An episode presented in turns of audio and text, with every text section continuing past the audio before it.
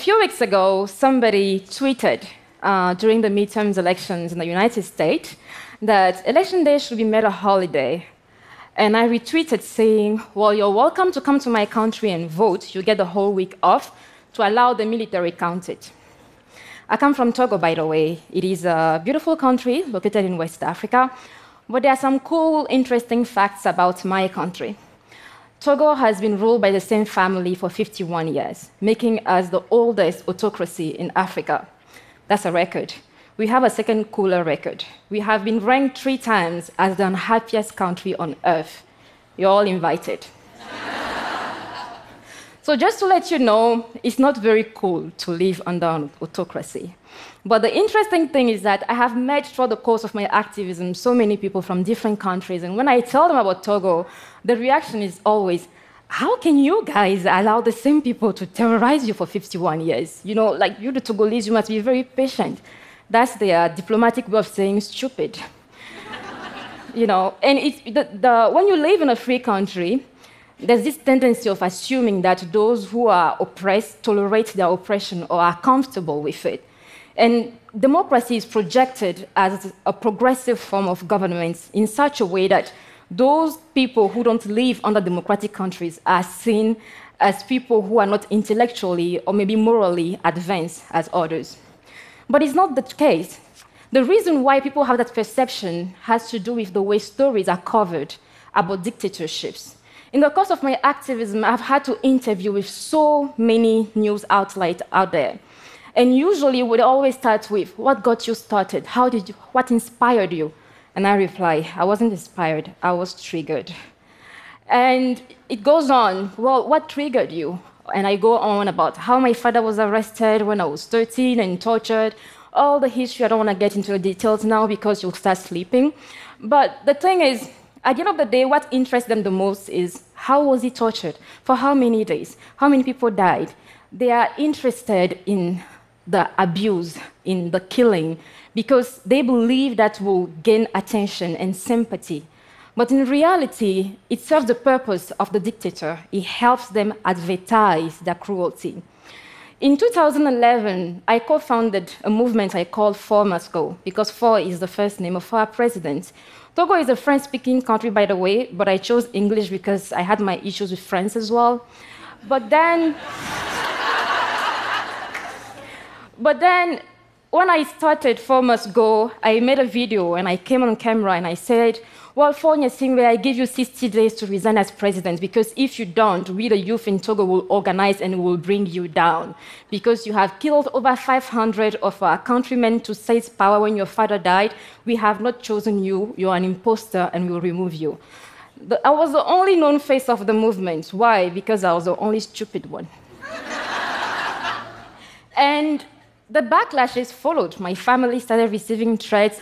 My siblings called me one morning and then they said, You know what? When they come here to kill you, we don't want to die with you, so move out. So, yes, I moved out and I'm still angry at them, so I haven't talked to them in five years. Anyway, um, moving forward, the reason why, for the past 11, um, nine years that I've been working with comrades to organize to raise awareness on Togo, to help the people of Togo overcome their fear, so they too can come and say they want change. I have received a lot of persecutions that I cannot disclose, a lot of threats, a lot of abuse, psychologically. But I don't like talking about them because I know that my job as an activist is to mobilize, is to organize, is to help every single Togolese citizen understand that as citizens, we hold the power, we are the boss, and we decide. And the punishment that the dictators are using to intimidate them must not prevent us from getting what we want. That is why I said it is very important to cover the stories of activists in a way that it helps mobilize people, not in a way that it helps deter their action and force even more their subjugation to the oppressive system during these years that I've been an activist, there were days that I felt like quitting because I couldn't take it. But then, what kept me going? The one thing that kept me going, I remember the story of my grandfather and how he used to walk 465 miles from his village to the city just to protest for independence. Then I remember the sacrifice of my father, who was tortured so many times for daring, you know, protest against the regime. Back in the 70s, they would write pamphlets to raise awareness on the dictatorship. And because they couldn't afford copies to make copies, they'll reproduce the same pamphlet 500 times each and distribute them. It got to a point where the militaries knew their handwriting. So as soon as they stumble upon one, they go and get them. But I look at that and I'm like, you know, today you have a blog, you know, I don't have to copy the same thing 500 times. I blog and thousands of people read it. By the way, in Togo, they like calling me the WhatsApp girl because I am always on WhatsApp attacking the government. So it's much easier. I just, when I'm angry at the government, I just make an angry note and I send it out, and thousands of people share it. You know, I'm really discomposed. I'm always angry, by the way.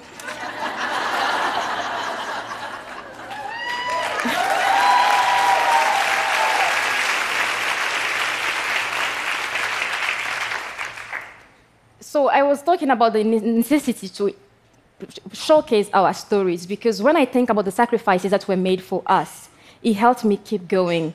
One of the very first actions of our Faure Must Go movement was to come up with a petition asking citizens to sign so that we can demand new elections as the Constitution allows.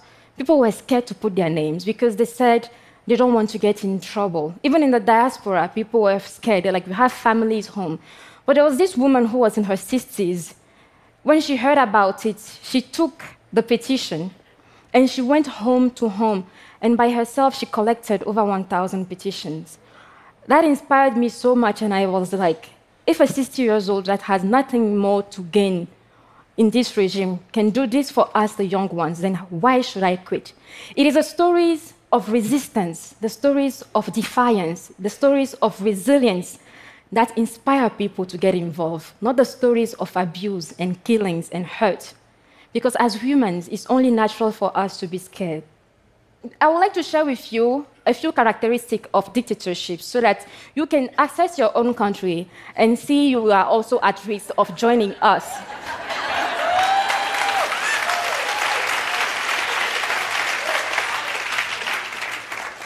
Number one thing to look at concentration of power is the power in your country concentrated in the hand of a few, an elite. It can be a political elite, ideological elite, and you have a strong man because we always have one guy who is presented as the Messiah who will save us from the world.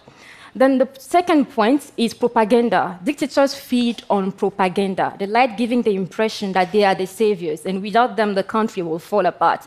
And they are always fighting some foreign forces. You know, the Christians, the Jewish, the Muslims, the voodoo priests are coming for you. The communists, when they get here, will all be broke. These kind of things. And our, our president, in particular, he fights pirates.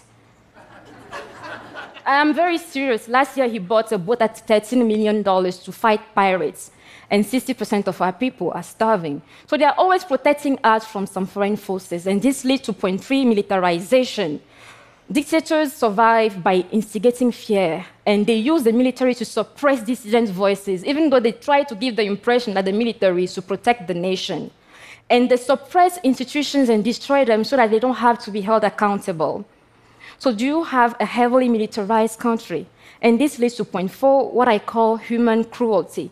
You know, when we talk about animals, we say animal cruelty when animals are abused because there's no charter acknowledged by the UN saying animal rights charter.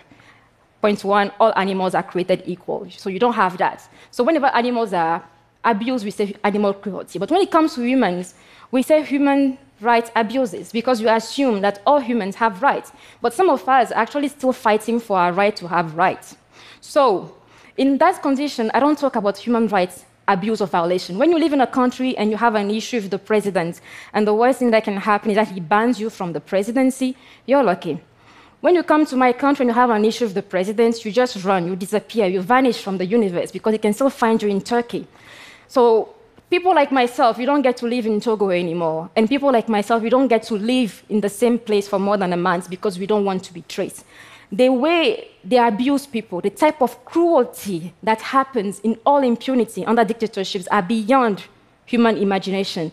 The stories of some of the activists that were killed, their bodies dumped in the sea, that were tortured to the point where they lost their hearing or their sight, those stories still haunt me. And sometimes, as an activist, I am less concerned about dying than how it all happened. Sometimes I just sit down and I imagine all scenarios. What are they going to do? Are they going to cut my ears first? Or are they going to cut my tongue because I'm always insulting them? It sounds cruel, but it is the reality. We live in very cruel world. Dictators are cruel monsters. And I am not saying it to be nice. So yes, that is the final characteristic that I want. The, the, list goes on, but that's the final thing I want to share about autocracies so that you look at your country and you see if there are risks there. It is important that you acknowledge the gains of freedom that you have today because some people had to live their lives for you to have it. So you don't take, get, you don't take these for granted. But then at the same time, you also need to know that no country is actually destined to be oppressed. But at the same time, no country or no people are immune to oppression and dictatorship. Thank you. Thank you.